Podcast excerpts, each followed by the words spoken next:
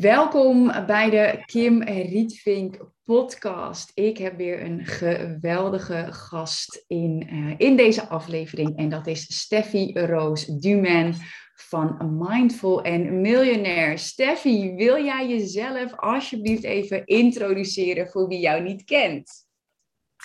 Ja, zeker wil ik dat. Ik ben ondernemer op de eerste plaats, maar ook schrijver. Net een boek geschreven, Mindful Millionaire. En daarvoor ook nog een keer een boek. En ik heb een juridisch kantoor voor letselschade. Dat heb ik nu zo'n acht, negen jaar. Dat is eigenlijk mijn grootste business. En op een gegeven moment was ik zo hard aan het werk dat ik dacht, dit is volgens mij niet uh, hoe het bedoeld is. Toen kwam ik op Burning Man, daar helemaal spirituele inzichten gekregen. En toen eigenlijk die spirituele reis begonnen. En toen dacht ik eerst nog, zou dit mij een slechtere ondernemer maken? Ja, het maakt me vast minder succesvol. Maar toen keek ik na een paar jaar terug en dacht ik, nee, ik ben eigenlijk alle businesses succesvoller geworden. Dus toen dacht ik, hier moest ik, ja, hier moet ik gewoon mee. Dat is uiteindelijk inderdaad het boek geworden. Een podcast heb ik ook, Mindful Millionaire. Een kaartendek. En ik heb nu net School of Samkalpa opgericht. En dat is echt een online school met allemaal videocursussen, meditaties, formats. Daar deel ik gewoon alles eigenlijk wat ik leer of heb geleerd. Dus ik doe van alles wat eigenlijk. Ja, super cool. Ja, je bent, ik kan niet anders zeggen, je bent echt een vrouw naar mijn hart, omdat ik onwijs geloof in de combinatie uh, tussen ja, het spirituele en het business stuk. Um, want waar ik heel erg benieuwd naar ben, hè, voor de luisteraar, uh, zeker eventjes het boek bestellen, Mindful en Miljonair, heel inspirerend. Jouw eerste miljoen, hoe voelde dat? Ja, ik weet het nog wel goed. Het was, is echt al wel weer een paar jaar geleden. En ik zat in Excel en ik was een beetje, ik hield alle cijfers, ik hou echt van cijfers bijhouden. Heel simpel hoor, in Excel, maar gewoon wel alles even in de gaten houden. Dus ik deed en ik was er helemaal niet zo mee bezig. Ik had ook echt niet door eigenlijk dat het dat jaar ging gebeuren. Maar toen keek ik en toen was het september en toen zette ik alle cijfers onder elkaar. En opeens dacht ik, wow, we hebben gewoon een miljoen omzet. En toen dacht ik, yes, wat tof. En opeens dacht ik van, dit is eigenlijk, eigenlijk wel heel bijzonder. Want ik zag mezelf nog helemaal niet als dat ik een groot kantoor had of echt iets goeds aan het doen was. Ik was vooral nog zo aan het rennen. Dus toen dacht ik, oké, dit moeten we vieren. Dus gelijk een mail naar het team. We waren toen met tien mensen of zo nog. Iets meer misschien. Van, uh, ja, een miljoen omzet. En daarom wil ik jullie meenemen naar Huis ter Duin. Want dat vond ik echt een geweldig hotel. En toen zijn we daar een nachtje heen gegaan met iedereen. Allemaal massages, lekker uit eten. Dus uh, ja, Heel, heel goed gevierd. Dat is toch wel een momentje. Gevierd, uh, echt groots gevierd met jezelf en met je team. Uh. Ja. ja. toch goed om mij zoiets stil te staan. Juist omdat het opeens zo kwam, dacht ik, oh, wow, wow. Hey, en was dat met het letselschadebureau of was dat met een ander bedrijf? Oké, dat was met, uh, met het letselschade. Letselschadekantoor, ja, JBLNG. En waar ik dan, waar ik benieuwd naar ben, hè, Um, in het kader van Mindful en Miljonair, en je geeft ook aan, hè, mijn eerste miljoen omzet was ook wel veel rennen. Je kan heel goed hard werken, wat ik ook las en wat ik van je gehoord heb. En um, nou, volgens mij 2018, 2019, uh, dat je voelde dat er echt wat moest veranderen. Ja. Wat ik zelf, wat ik zelf heel erg interessant vind, is, um, ik ken die rush van het geld verdienen en het bijdragen. En dat is superleuk en jij doet ook hele mooie dingen. Denk jij dat je om mindful, om echt mindful te kunnen worden als vrouw met een hoog ambitieniveau, je eerst ervaren moet hebben dat geld niet um, het resultaat, nee, wacht, dat geld niet per se leidt tot mindfulness. Denk je dat je dat eerst moet bereiken, veel geld, zodat je dat los kunt laten en je je meer op mindfulness kunt richten?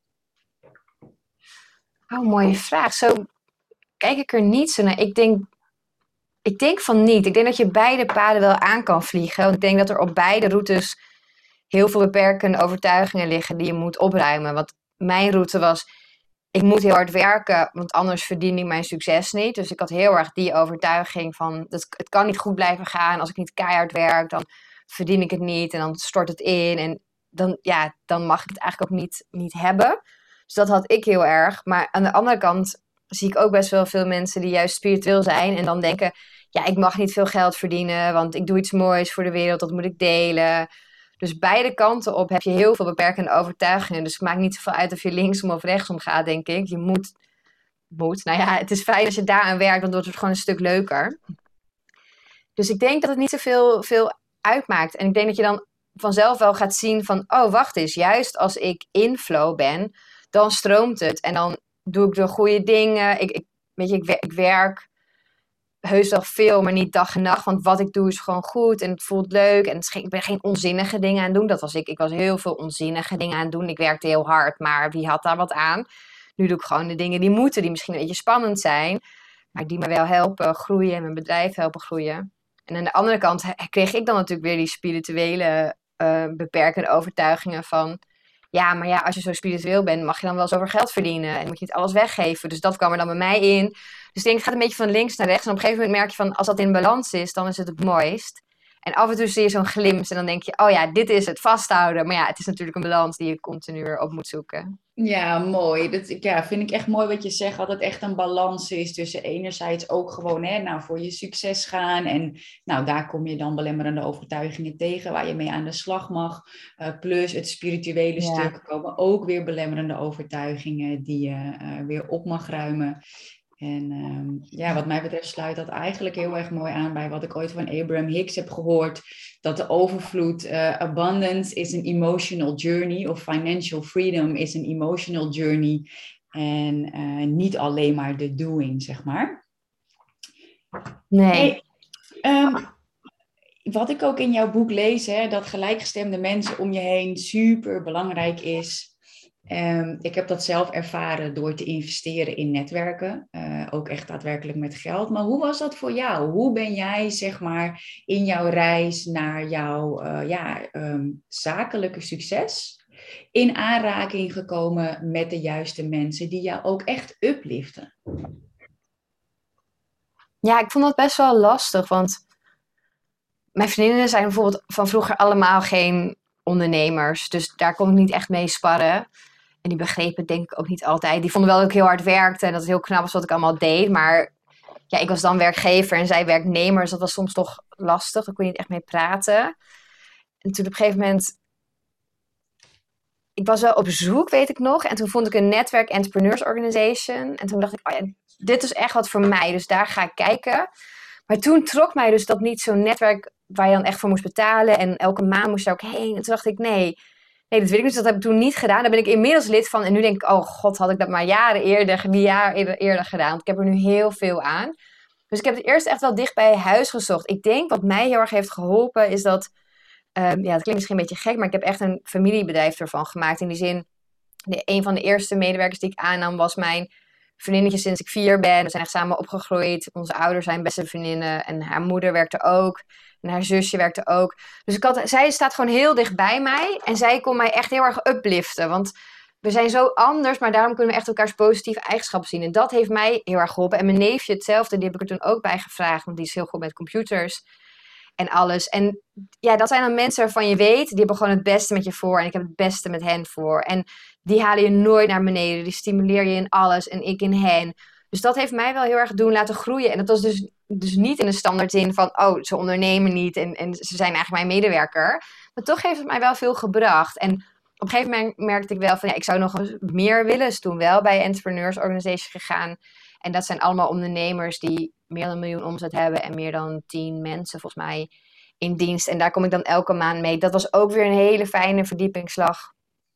En nu heb ik juist weer meer mensen die ook spiritueel zijn en ondernemer. Dus die ken ik eigenlijk voornamelijk via Instagram. Toevallig genoeg. En uh, dus dat is ook weer heel leuk. Dus ik denk dat ik te laat op zoek ben gegaan naar gelijkgestemden. Maar nu ik dat eenmaal ja, sinds een paar jaar heb, denk ik, oh wauw, dat is wel echt fijn. Je wordt gewoon wat zekerder en je ziet ook sneller dingen van jezelf die de anderen ook hebben. Dat je denkt, oh ja, ja. hey. Dus te laat daar misschien iets mee begonnen, maar ik had toevallig wel de goede mensen om me heen. Ja, dus wat je zegt eigenlijk, hè, uh, voor jou was het belangrijk om uplifting, mensen om je heen te hebben die jij gelukkig vond in je familie. Um, en je geeft wel aan van ja, eigenlijk ben ik. Ik ben zelf al kritisch. Oh ja, ik ben zelf al kritisch genoeg. Dus ik, in die zin had ik. Kijk, ik kan me voorstellen, sommige mensen hebben misschien kritische mensen om zich heen nodig. Die zeggen van joh, loop je niet te hard van stapel of heb je hier aan gedacht. Maar ik ben zelf al zo kritisch dat het lekker is als ik mensen heb die gewoon zeggen: ja, leuk, doen. Ja, super. En wat je zegt, hè, dat heeft jou onwijs geholpen. En tegelijkertijd, uh, ik ben nou ja, eventjes tussen haakjes te laat uh, begonnen.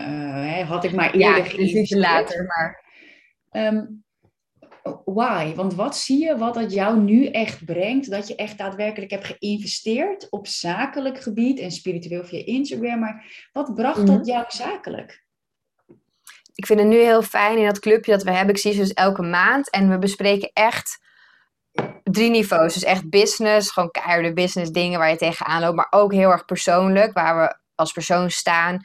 En gezin, familie. En dat vind ik heel fijn om ook te horen dat, nou het zijn vooral mannen dan in mijn clubje, ehm, maar we hebben allemaal dezelfde struggles. En dan denk je gewoon, oh, dit is dus niet raar. En dat is zo mooi, die herkenning, maar ook om dan te leren hoe we daarmee om zijn gegaan. Dus we geven geen advies, maar we delen ervaringen. En daaruit kun je dan mee doen wat je zelf wil. Maar dat sterkt al heel erg. Dat je gewoon ziet, oh, ik ben niet de enige die dit continu zo doet of die hier tegenaan loopt. Dus puur die herkenning vind ik heel fijn. Ja, en van de ervaring van anderen kun je ook weer leren, als ik het begrijp. Tof. Ja, zeker. En hè, spirituele ondernemers vind je via Instagram. Ik merk dat ik dat zelf niet altijd eventjes makkelijk vind met wat wordt netwerk en hè, wat wordt klant. Ik merk dat ik zelf, uh, nou ja, zoals Madeline ken ik eigenlijk via een andere coach. En uh, nou ja, Christine ken ik eigenlijk van het diner waar, uh, waar wij elkaar natuurlijk ook ontmoet hebben. Um, ja, hoe, hoe want volgens mij Willemijn Welt is ook een vriendin van jou. Ja. Is zij ook iemand die je via Instagram hebt ontmoet? Of herken je haar al? Hoe ontstaat dat bij jou via Instagram, een nieuwe vriendschap? Ja, Willemijn is eigenlijk de enige die ik live ken, want wij hebben Kundalini-opleiding samen gedaan. En toen uh, zijn we goede vriendjes geworden. En de rest eigenlijk denk ik via mijn podcast. En ja, ik vind het fijn. Ik ging, zodra je wat meer zeg maar, spiritueel uit ging spreken, kom je ook andere mensen tegen die ook met dezelfde dingen bezig zijn. En dan denk je, oh wauw, wat tof. En dan kom je in gesprek en dan ga je een keer koffietje doen of wat leuks doen. Dat had ik niet zo verwacht toen ik wat actiever werd op Instagram. Had ik dat niet verwacht eigenlijk, dat het ook zo'n leuke keerzijde eraan is. Nee. Want je denkt, oh god, dan zit ik de hele dag op Instagram en uh, stories te maken. Maar er is ook gewoon echt een hele sociale kant offline nog eraan. Ja, superleuk. En um, als je uh, kijkt naar, naar het spirituele uh, en het ondernemerschap. Um, ik heb je boek gelezen, maar de luisteraar misschien niet. Um, kun je een voorbeeld noemen welke spirituele tool jou echt geholpen heeft um, en nog steeds helpt? Want je hebt uh, ja, nu een nog groter vermogen. Heel praktisch. Wat helpt jou nog steeds? Ja, het klinkt misschien een beetje cliché, maar echt de combinatie van alles. Want, maar ik begon echt met de tools. En dat is ook waarom ik van spiritualiteit hou. Er zijn gewoon heel veel makkelijke tools eigenlijk die je in kunt zetten. Kun je ook waarschijnlijk wel via allemaal andere zelfontwikkelingscursussen en zo doen. Maar voor mij was spiritualiteit een hele fijne. Dus eerst al zoiets als mediteren. Gewoon even stilstaan bij wauw, heb ik echt zoveel gedachten. Ik kan gewoon letterlijk geen seconde even mijn hoofd stilhouden. En dan denk je, oh, maar dit gaat dus niet alleen die tien minuten dat ik mediteer gaat dit, gebeurt dit. Nee, dit gaat de hele dag door. En toen dacht ik, oké, oké, hier moet ik iets mee, want het stopt gewoon niet. En daarom ben ik ook waarschijnlijk wel eens moe of chaotisch. Dus dat is al zoiets heel makkelijks, gewoon even tien minuten op je adem letten. En dan, dat is zo'n inzicht. Dus ik doe veel met die inzichten. En hetzelfde bijvoorbeeld, uh, ik, ik gebruik dan de maan als een soort business coach, zeg ik altijd. Maar dat is gewoon dat je elke maand even incheckt bij, oké, wat zijn mijn intenties? Wat wil ik komende maand doen? En dan ook terugbladeren van, oh, wat heb ik al behaald? En wat staat er nou voor de derde keer op? Heb ik nog steeds geen stap voor gezet? Dus moet ik er misschien maar een keer afhalen? En ja, dat doe ik dan met de maan, omdat ik het mooi vind. Maar je kan natuurlijk gewoon op de eerste ook van de maand doen. Als je niet in de maan gelooft, kan je, met, je kan het elke dag doen. Maar het fijne is dat, je, dat ik gewoon dan elke maand bij mezelf incheck. En dan denk, oh, waar wil ik naartoe waar ben ik mee bezig? Voordat ik spiritueel, zeg maar, werd joh, ik ging gewoon, ik maakte een to-do-lijst, ik ging rammen en ik stond helemaal niet stil bij, oh, is dit echt wat ik wil? Wil ik hier komende maand aan gaan werken? Of, hé, hey, waarom doe ik dit maar niet? Nu zie ik dat daar voor de derde keer bijvoorbeeld opzet van die en die bellen, doe ik dat niet. Dan ga ik nadenken, waarom doe ik dit niet? Het kost niet zoveel tijd, vind ik het spannend, heb ik er gewoon eigenlijk geen zin in? Dus ik ben nu veel meer eigenlijk bewust van mezelf, alsof ik af en toe even boven mezelf uitstijg en dan zie van oké, wat wil Stefje eigenlijk allemaal? En die laag die was er voorheen niet. En met alles, bijvoorbeeld met kaarten. Ik heb dan een kaartendek, omdat ik gewoon, ik hou echt van kaarten. Ook de gesprekken die het geeft, vind ik geweldig. Maar ook de gesprekken met mezelf. Dus dan denk ik, oh, ik loop hier vast. Ik trek een kaart. En ja, maakt echt niet uit welke kaart ik trek. Ik geloof ook wel hoor, dat ik met bepaalde energie een kaart aantrek. Maar ook al niet. Mijn onderbewustzijn weet gelijk wat ik wel wilde, maar wat ik al die tijd misschien niet echt hardop durfde te zeggen. En daarom helpt zo'n kaart. Het is gewoon een soort trick voor je eigen mind. En dat ook met al, met, ja, al die spirituele tools, dat je denkt, ja, het is zo fijn wat je er zelf mee doet. Of je nou gelooft of niet. Maar ik geloof er ook echt in. En ik geloof ook nog meer dat als ik ergens in geloof, het ook echt gaat werken. Dat is gewoon hoe sterk onze mind is. Dus ik kies ervoor om, uh, om er wel in te geloven. Ja, mooi, want ik had zelf helemaal niks met de maan. En heel veel wat jij in jouw boek beschrijft, nou ja, dat, dat is ook waar ik onwijs in geloof. En wat ik in mijn eigen programma's ook eigenlijk nou ja, teach. Ja. Maar de maan had ik dus niks mee. En toen las ik dat bij jou en toen dacht ik, oh, dat is eigenlijk echt super slim om dan, je zegt je kan het de eerste van een maand doen.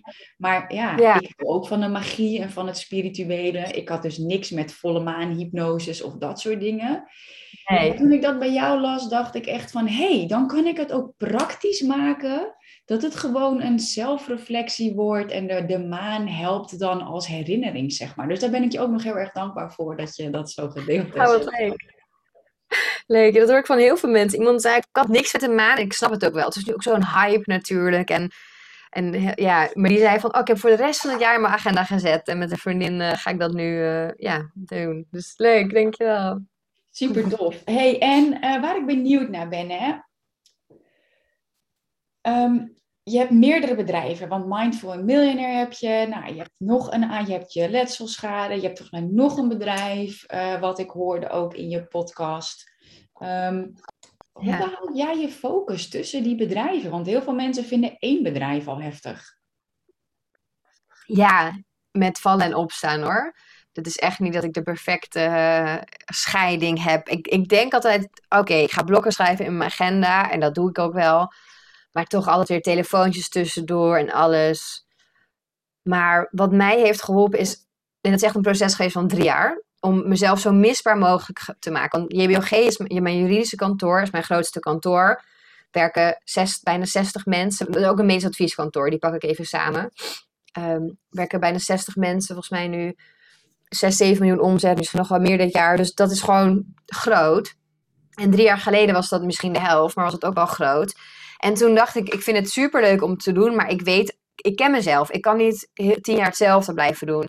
Dus als ik er iets anders naast wil doen, dan moet ik zorgen dat ik misbaar ben, dat niet alles op mij leunt.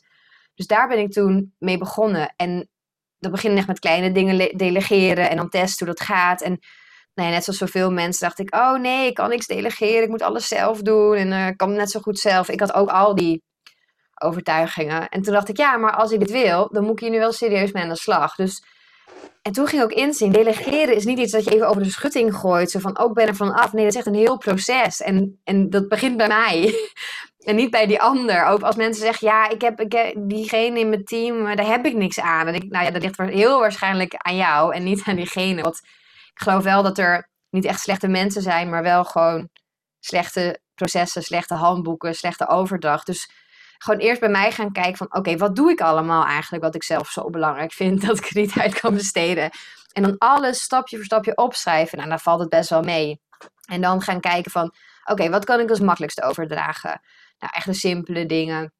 En dan ook gaan kijken van, heel vaak denken we dat we onmisbaar zijn, omdat wij een soort um, waardeoordeel ergens hebben van, bijvoorbeeld, gaan we deze zaak wel of niet aannemen? Of nemen we deze persoon wel of niet aan? Maar als je dan bij jezelf gaat kijken waarop jij, waarop ik dan die, die, ja, die selectie maak, dan zitten er allemaal stapjes in eigenlijk. Dus die ben ik ook gaan uitschrijven van oké, dus, dus dit mag wel, dit mag niet. En dat is ook een heel leuk proces, maar het kost heel veel werk. Dat kost veel meer werk dan het gewoon maar zelf blijven doen. Dus het is echt een langer termijn proces. En als je dat eenmaal hebt, ja, dan kan iedereen het uiteindelijk doen. Je moet iemand wel inwerken, maar daarna kan weer iemand anders het doen. Maar dat kost gewoon heel veel tijd en energie. En dat, dat had ik niet zo door. Ik dacht, oh, lekker delegeren. Maar nee, nee, dat is echt een heel proces. En ook intern bij mezelf natuurlijk kijken van... Ja, ik vind het best wel spannend om dit dan over te dragen. Is dat omdat ik dan misbaar word, weet je? Mijn ego vindt hier iets van. Of is dit omdat ik het echt beter kan? Of is dit omdat ik het nog niet goed heb omschreven? Het was echt een heel lang proces, maar daar is het wel mee begonnen. En nu heb ik die luxe van, oké, ik kan van alles ernaast doen. En dan denken mensen, oh, heb je zo goed gedaan. Maar ja, daar ben ik ook jaren mee bezig geweest. Ja, en het kan dus heus sneller, maar... Ja, wat jij zegt is dus hè, enerzijds delegeren, maar vooral eigenlijk vanuit ja. de... Ehm, ja, gedachtegang om jezelf zo misbaar mogelijk te maken. En dat doe je dus door te delegeren. En dat is niet van de ene op de andere dag, maar dat gaat met vallen en opstaan, met processen, uh, je eigen werkgang uh, uh, opschrijven, dan iemand inwerken en zo ook eigenlijk je team uitbreiden. Is dat hoe ik het goed begrijp? Ja, klopt. Want ik had daar mijn managementteam en die hadden allemaal hun eigen dingetje. Maar op een gegeven moment wilde ik ook dat ze gewoon heel veel van mij over gingen nemen. Dus dat ben ik steeds gaan kijken van oké, welk blokje past bij welke functie? Hoe kan ik dit omschrijven dat iemand anders het ook kan doen? En dan is het ook nog natuurlijk een beetje trial and error. Want omdat ik zo lang iets heb gedaan, denkt die ander ook van oh ja, maar het moet precies zoals Steffi het doet. En op een gegeven moment zei ik ook, weet je, het hoeft niet precies op mijn manier. Want ik ben ook echt niet degene die alles maar goed doet. Er zijn heel veel verschillende mogelijkheden. En ook al vind ik misschien mijn manier het beste, het zegt niet dat dat de beste manier is. Dat vind ik misschien.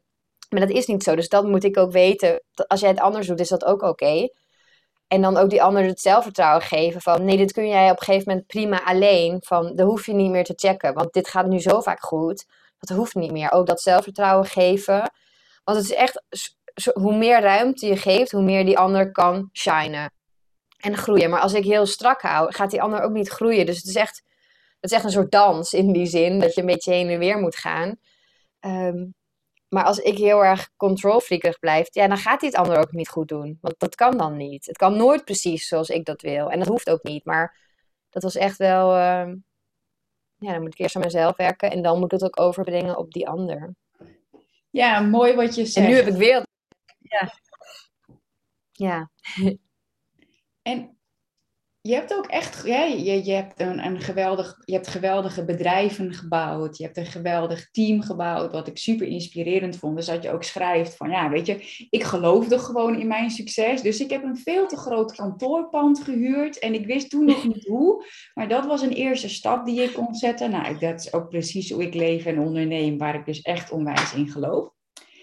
Heb jij, zeg maar, dus een groter kantoor nemen, gelovende dat je het gaat vullen, nog niet weten hoe, maar wel al die stap zetten. Zijn er nog meer van die acties die je hebt ondernomen, echt eigenlijk, ja, toch law of attraction wise, al ja, geloven, maar wel al zo groot handelen? Dat is denk ik ook wel wat ik nu noem, dat van handboeken maken, processen uitschrijven. Dat doe ik al heel snel. Ook al is er nog niemand die dat over kan nemen of uh, is dat nog helemaal niet aan de hand. Ik vind dat heel fijn, ook als mijn mensen dat doen, zoals nu, bijvoorbeeld mijn managers. Leer ik dat ook allemaal om dat nu al te doen. Ook al hebben ze nu nog geen nummer twee. Ik denk ze, die komt wel, dus schrijf er maar op.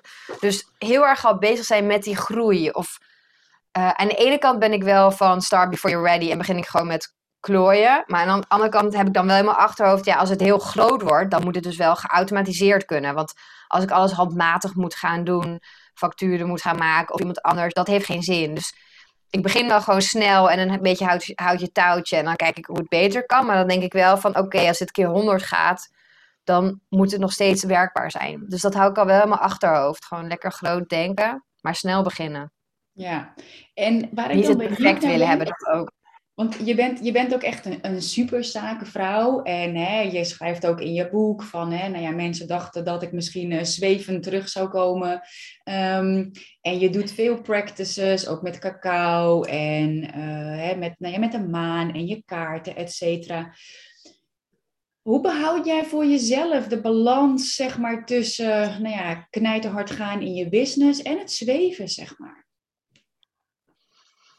Mm, ja, vind ik ook lastig. Want ik geloof echt inderdaad en doen en ontvangen. En dat is ook een balans die je continu op moet zoeken. Dus soms ben ik echt wel een beetje te hard aan het doen. En dan denk ik, nee, daar gaan we weer. Ik moet weer even weer minder rust dan. Weet je, yin en yang. En hoe ik het oplos eigenlijk voor mezelf is toch wel heel doelmatig alles inplannen. Dus dat ik ook gewoon bijna plan bewijs van dat ik mediteer, dat ik daar tijd voor heb. Of dat ik uh, ochtenden vrij plan, maar dan wel een keer een avond doorwerk. Dus heel erg plannen, want ik denk, ik zou wel zo'n type zijn dat dat helemaal aanvoelt gedurende de dag. Maar ik weet dat ik dat niet ben. Dus dan kan ik maar beter gewoon inplannen. En dat werkt dan wel. Dus ik plan ook yoga of mijn nagels doen of zo. Of een massage. Plan ik ook gewoon om de werktijd. Omdat ik ook weet dat ik s'avonds vaak doorga en dat ook lekker vind. Dus dat plan ik wel gewoon allemaal in. En wat mij helpt is dus wel dat bij mezelf inchecken. Ik weet heel goed als ik te hard ga, weet ik of, oh, dit is even een lekkere piep, piek. Ik vind het heel leuk om te doen. Zoals nu met School of Kalpa vind ik heel leuk. Dus dan zit ik drie avonden achter elkaar, zit ik tot laat nog filmpjes op te nemen. Maar ik krijg er mega veel energie van. En dat is oké. Maar ik weet nu inmiddels wel van, oké, als het te lang doorgaat en ik het niet meer leuk vind, dan moet ik dus even zorgen dat mijn schema om wordt gegooid en ik weer tijd heb voor andere dingen. Of dan op vakantie ga. Op vakantie gaat is voor mij wel echt een grote rem. Want dan werk ik ook wel misschien een beetje door met je checken en zo, maar kan ik niet echt goed doen. Dus dat heb ik wel geleerd van mezelf. Van oké, even pieken is goed, maar je moet ook weer even chillen. En dan plan je eigenlijk zelfcare gewoon in, omdat dat gewoon echt ja, voor jou wat ik ook bij je teruglees en hoor, dat ja, self-care gewoon echt prioriteit is. En dus ook de spirituele practices, dat dat juist kan zorgen voor, jou, uh, voor jouw zakelijke groei. En überhaupt voor iedereen's uh, uh, zakelijke groei. Ja, en dat is ook echt mezelf serieus nemen. Dus ik kan wel denken van, oh, ik moet hard werken. Maar als ik ziek word, ja, dan val ik om gebeurt er niks en kan niemand wat doen. Of tenminste, nu wel, maar dat, dat uh, in mijn nieuwe business dan weer niet. Dus ik weet gewoon, ik moet fit blijven. Dan is voor iedereen het beste. En als fit zijn betekent dat ik tijd neem om een keer een bad te gaan. Oké, dan moet ik dat dus gewoon doen. Of dat ik lekker massage neem. Of een keer een dag niks doe als ik gewoon moe ben. Ja, dat hoort er dan bij. Dus dat is ook echt een kwestie van mezelf op waarde schatten. En dat was denk ik wel een breder thema. Dat vond ik gewoon heel moeilijk om mezelf die waarde toe te kennen of mezelf echt waardevol te vinden, waardevol genoeg te vinden om dat soort dingen te doen. En nu denk ik ook, als ik dan iets in wil leveren qua sporten of selfcare of iets, dan denk ik, hé, hey, wacht eens even, past dit bij degene die ik wil zijn? Nee, mijn versie die ik wil zijn, die maakt hier tijd voor. Dus nu ga ik dat wel gewoon doen. Ja, dus jij hebt ook eigenlijk heel helder, of nou dat is dan een interpretatie, maar je hebt helder Hè? Je hebt je zakelijke doelen heb je helder, maar daarbij ook, weet je, wie heb ik te zijn? Wie wil ik zijn? Welke versie wil ik zijn? Is dat ook iets wat je regelmatig update, je nieuwe identiteit, zeg maar? Ja, ja ik heb er net ook, uh, mijn Mindful Millionaire cursus was dat eigenlijk een beetje, op zoek naar je versie 10.0. En maar ik merk dat het eigenlijk een beetje de, het thema ook is in heel veel dingen die ik doe. Omdat ik daar zelf altijd naar op zoek ben van, oh, weer een stapje verder. En dat hoeft dus niet altijd succesvoller te zijn in geld of in, in bedrijf, maar ook in hoe ik in het leven sta. Gewoon net even de betere versie, de beste versie van mezelf. Van wat doet die? Oké, die, die gaat sporten, die draagt altijd mooie kleertjes, weet je wel, die, uh, die neemt tijd voor zichzelf. En die durft dingen te zeggen, die loopt niet weg voor conflict. Dus dat soort dingen heb ik altijd in mijn hoofd van, ja, dat is de beste versie van mezelf. Dus daar moet ik ook aandacht en tijd aan besteden. En dat is misschien een beetje gek, maar ik heb er ook een meditatie voor opgenomen. Echt met muziekje en alles zelf. Maar die doe ik zelf ook. Want dat vind ik gewoon, die doe ik ook wel één keer per week. Om weer even bij me in te checken van, oké, wat is dan die versie van mij? Hoe zie ik die nu voor me? En dan weet ik, oh ja, oké. Daar moet ik weer, uh, goed herinnering weer. Ja, dat vergt wel onderhoud. Ja, mooi wat je zegt. Ik, ik, ik, gewoon, dus, ik ben gewoon zo dankbaar voor je, voor, voor wat je deelt. Dat ik alleen maar heel erg ja, bevestigend kan knikken. Omdat ik, dit is ook precies hoe ik zelf heel snel gegroeid ben. Ook modelleren, toch ook kijken naar hè, wat doen andere mensen. Nou ja, zo heb ik nu geïnvesteerd in een andere garderobe. Om ook een andere vibe uit te stralen. Mezelf dat gunnen. Want een trui van, 100, van 208 euro met een dochtertje van één vond ik echt niet kunnen. En toen zei een vriendin van, maar ja, kijk eens naar je omzet, weet je. Ja, dan, mag je, dan moet je geen weerstand hebben op een trui van 208 euro. Dus toch ook iets met, met waarde en er wel naar handelen. Ja. Ehm, En, en die identiteit, wat je zegt, uh, ja, wie wil ik zijn? Wat, wat voor kleding draagt die? Uh, self-care momenten. Ja. Wat jij zegt, is dat dus echt gewoon ook heel erg belangrijk om persoonlijk en zakelijk te groeien. Ja, absoluut. Anders hou je het ook niet vol. Want ik, de eerste paar jaar was ik natuurlijk alleen maar business, business, business. En had ik helemaal geen tijd om gezond te koken of om te sporten. Of überhaupt, weet je, ik had uh, een heel mooi appartement met een bad. En voor mij ben ik er één keer in geweest. Omdat ik gewoon altijd bezig was en druk was. En die, die druk legde ik alleen maar mezelf, niemand anders. Dat deed alleen ik. Maar ja, daar maak ik mezelf wel kapot mee. Dus ja, dat had geen zin. Dat was niet duurzaam. Dus ik weet ook, dat werkt niet. En ik denk omdat ik dat zo geleefd heb, weet ik nu ook wel van, oh nee, ik ga weer richting die Steffi. Nee, even weer terug naar de Steffi die ik wil zijn. Ja. En wat ik ook van je hoor, je kan prima miljonair of multimiljonair worden als je heel hard werkt. Uh, alleen het is niet duurzaam, klopt dat? Ja, niet duurzaam en niet leuk, denk ik.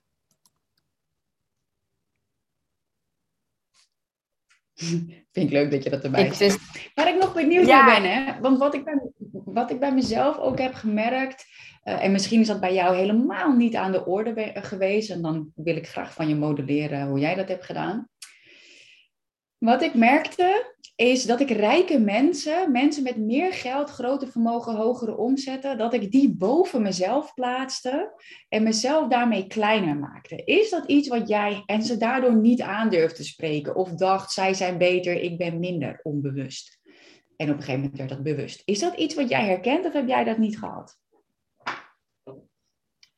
Ik denk niet zozeer in geld, omdat ik denk ik niet heel veel mensen kende die een groter bedrijf of iets, iets hadden dan ik. Dus dat, of niet, die, die waren niet echt in mijn omgeving. Dus zo heb ik het niet gehad. Maar ik heb wel, wat me wel heeft geholpen, want ik had echt een hele slechte money mindset. Dus ook al ging het hartstikke goed met mijn bedrijf, ik sliep echt nog in dorms en, uh, en ging drie overstappen op mijn vliegtuig doen, dus dat 100 euro goedkoper was. Maar ik heb een tijdje met een man gedate en die stond in de quote 500 en dan ging ik daarna altijd denken, wat zou hij doen? Zou hij, zou hij deze keuze maken of niet? Want dan, ik wist gewoon van, die had gewoon een goede money mindset. En ik was ook op weg naar de quote 500, of nou ja, hoe je maar wil noemen. Maar dan ging ik altijd mezelf na, ook in, ook in business of dingen van, ja, zou hij dit doen? Nee, oké, ik ga ook nu dit doen. Dus dat heeft mij wel geholpen. Om dan, ik, ik ben meer van, niet dat ik mezelf vergelijk, maar meer daar ga ik ook komen. Zo kijk ik er denk ik tegenaan. Oh, supermooi. Nee, wat je, dus je maakt je eigenlijk ook vooral inspireren van, hey, zou, zou hij of zij deze keuze maken? En eigenlijk, want ik las ook iets heel moois in je boek waar ik zelf tegenaan loop. Hè. Enerzijds heb je de law of attraction en handel uh, alsof het al zo is. Dus um, ik ben onderweg naar 1,2 miljoen als tussenstap. En um, enerzijds handel ik daar dus ook naar met mijn team uitbreiden, et cetera. Um, maar nu heb ik een, wij gaan emigreren naar Mexico in mei. Uh, en nu gaan we eerst op vakantie om uh, daar ook even wat, wat research te doen waar we willen wonen. Maar dan denk ik, mijn uh, millionaire me zou business class vliegen. Ja. Maar dat is 15k voor drie personen. En dan denk ik wel, oké, ik heb het geld wel.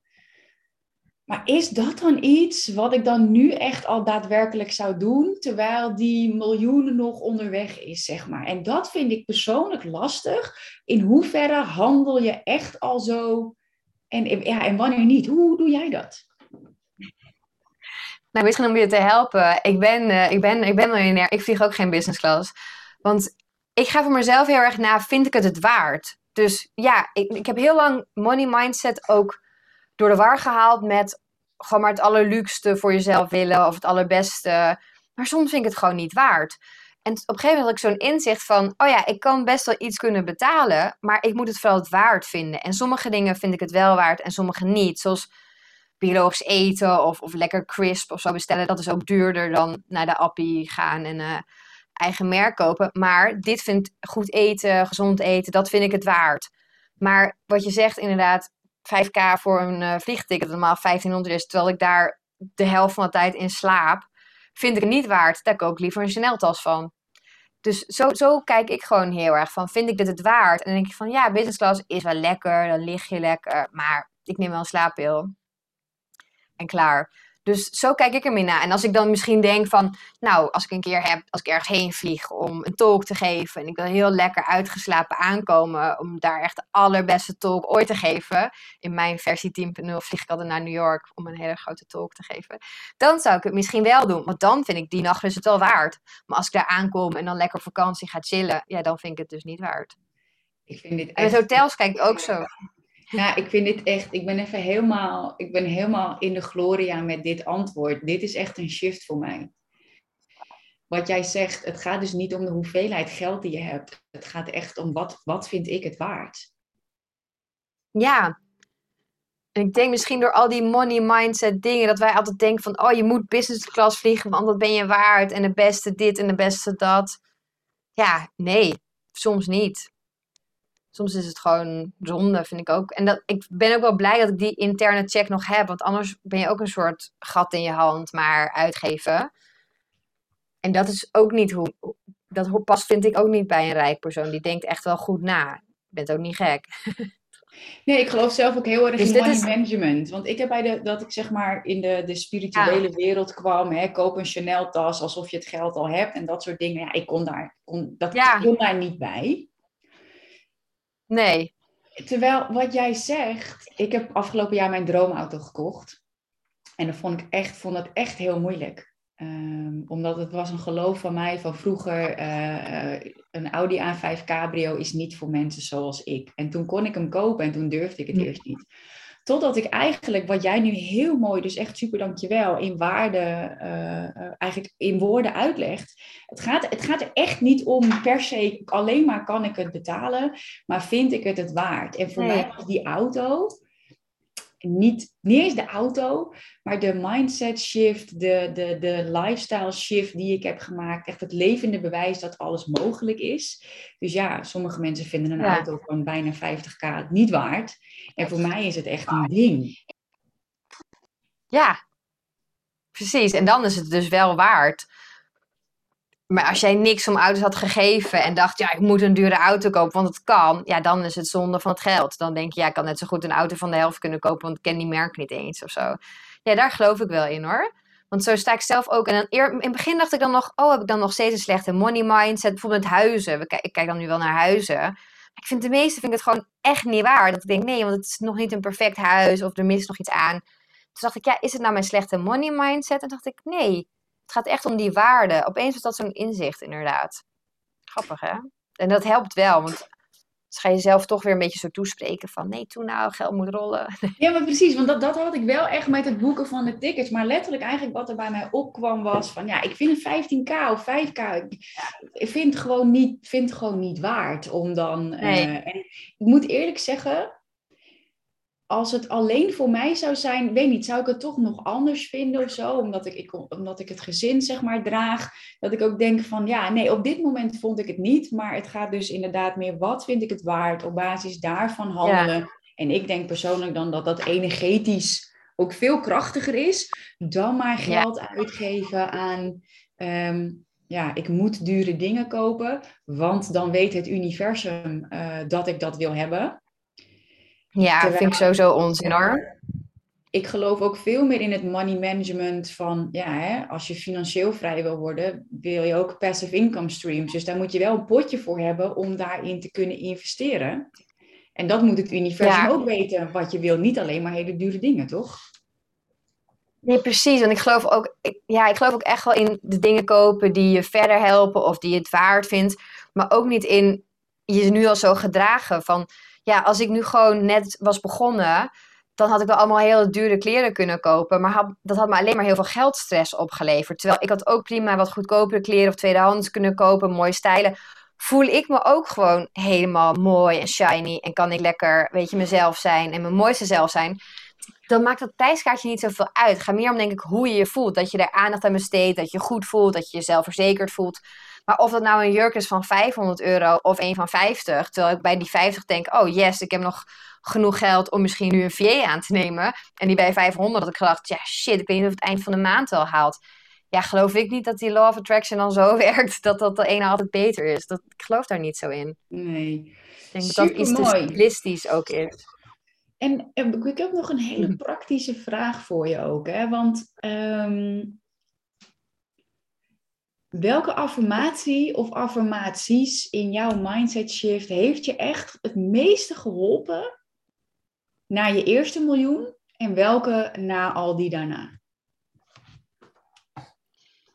Die eerste was ik niet hiermee bezig. Dus ik had niet bewust een affirmatie die ik zei. Maar ik, ben wel zo opgegroeid. Echt, nou, hij was, is niet van Pipi voor mij. Maar van, ik heb het nog nooit gedaan. Dus ik denk dat het wel kan.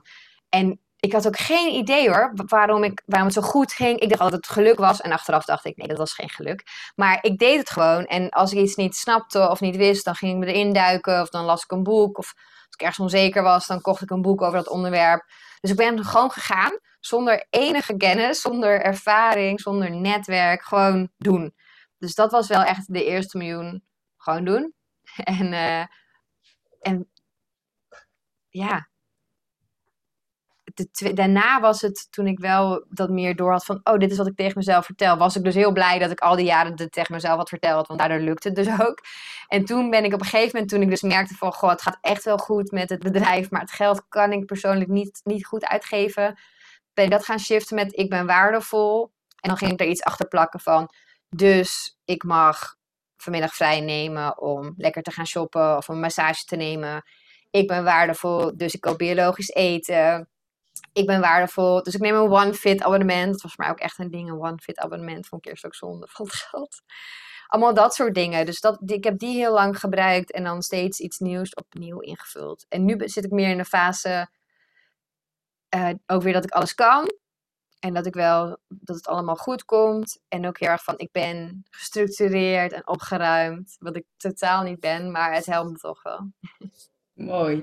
Super, dankjewel. Wat ik eigenlijk terughoor is heel erg um, ja, ruimte maken voor jezelf. Selfcare echt belangrijk maken. Jezelf ook misbaar maken in je bedrijf. Uh, zodat je, wat ik me voor kan stellen, je ook meer kunt genieten van die selfcare momenten. Niet dat je op de massagetafel ligt en nog denkt aan die klant die jij misschien zou moeten helpen. Ja. Ehm, het gaat niet zozeer om kan ik het betalen, maar meer vind ik het het waard. En affirmaties die jou heel erg mhm. helpen om dat ook in de praktijk te brengen is ik ben waardevol, dus ik mag. En dan vul het maar in. Ja. Um, wat, wat denk jij dat mensen echt moeten weten wat spiritualiteit toevoegt aan zakelijk succes? Ik denk dat heel bewust naar jezelf kijken. En dat kun je dus door al die tools doen, die ik ook in mijn boek noem en, en die ik graag uitdraag. Maar dat bewust kijken is ook belangrijk. Dus niet alleen denken, oh, als ik maar heel veel self-care in, in plan, dan komt het wel goed. Nee, je moet ook wel dus goed naar jezelf gaan kijken. En dat is niet zo leuk. Want je ziet allemaal dingen van jezelf, dat je denkt, ik ben niet zo perfect als ik dacht, of niet zo leuk als ik dacht. Of, of van allerlei dingen gebeuren er intern. Maar dat is wel heel belangrijk.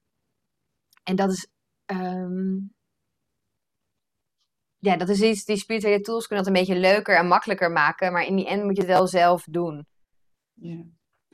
En ik merk dat bij mezelf ook dat ik denk, oh god, gaan we weer. Maar ja, het hoort er wel bij of zo. Dat je toch iets aan jezelf ziet van, oh, gebeurt het nou echt? Ja, ja.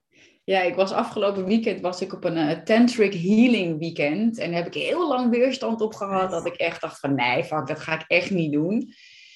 En toen, toen was ik daar en toen was het ook gewoon innerlijk kindwerk en zo. En gewoon echt embodiment. Oh, ja. En ik was zo verbaasd welke lagen daar dan naar boven kwamen. Ehm, die niet per se mooi waren of leuk.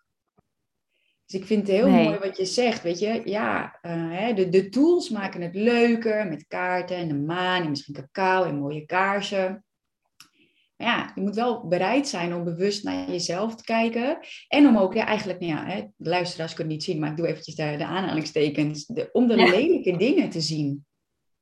En daar dan doorheen te werken. Ja, absoluut. Ja, want het is niet alleen maar makkelijk. Kijk, ik ben heel positief en ik zie altijd heel positief in. Maar er zijn natuurlijk ook mindere kanten en heel veel onzekerheid en heel veel angsten.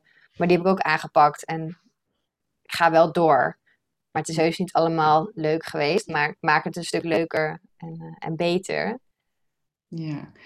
Maar sommige dingen zijn gewoon vermoeiend. Zij, is er nog iets wat jij toe zou willen voegen? Of zeg je van, nou, ik heb echt alles gedeeld, ook wat ik wilde delen. Ik ben namelijk echt super dankbaar en uh, ik heb al mijn vragen uh, aan je mogen stellen. Dus is er nog iets wat jij toe zou willen voegen? Nee, volgens mij is het helemaal mooi zo. Supergoed, mega dankjewel. Waar kunnen mensen... En bedankt voor het interview. Ja, hey, waar kunnen mensen jou volgen? Op Instagram, Steffiroos Duman. En op mijn website, mindful-millionaire.nl. Helemaal goed. Boek kunnen ze bestellen via bol.com, denk ik. Ook Mindful en Miljonair. En ik zal ook zorgen dat het in de show notes uh, komt te staan. Uh, dat mensen jou kunnen volgen of je boek kunnen kopen. Ik kan het zeker aanraden. Leuk. Echt dankjewel. Je bent voor mij ook een manifestatie. Want na het diner uh, had ik niet het lef om je te vragen. Omdat ik dat dus wel deed. Andere mensen boven mezelf plaatsen. Dus voor mij was dit ook echt een identiteitsding dat ik dacht van, hey, ik, in mijn hoofd heeft ze nee gezegd, maar ik heb het helemaal niet gevraagd. Dus, uh, hè, en vorige week heb ik het gevraagd en nu hebben we het gesprek. Ja. Dankjewel. Leuk. Uh, Jij bedankt. Ik doe de recording, doe ik stop. Voor de luisteraar, mega dankjewel voor het luisteren. En in de show notes vind je Steffi haar Instagram en een link naar haar boek, zodat je die, als je wil, meteen aan kan schaffen. En uh, ja, ook de spirituele gids voor zakelijk succes uh, aanschaffen. Steffi, super, dankjewel. Yes.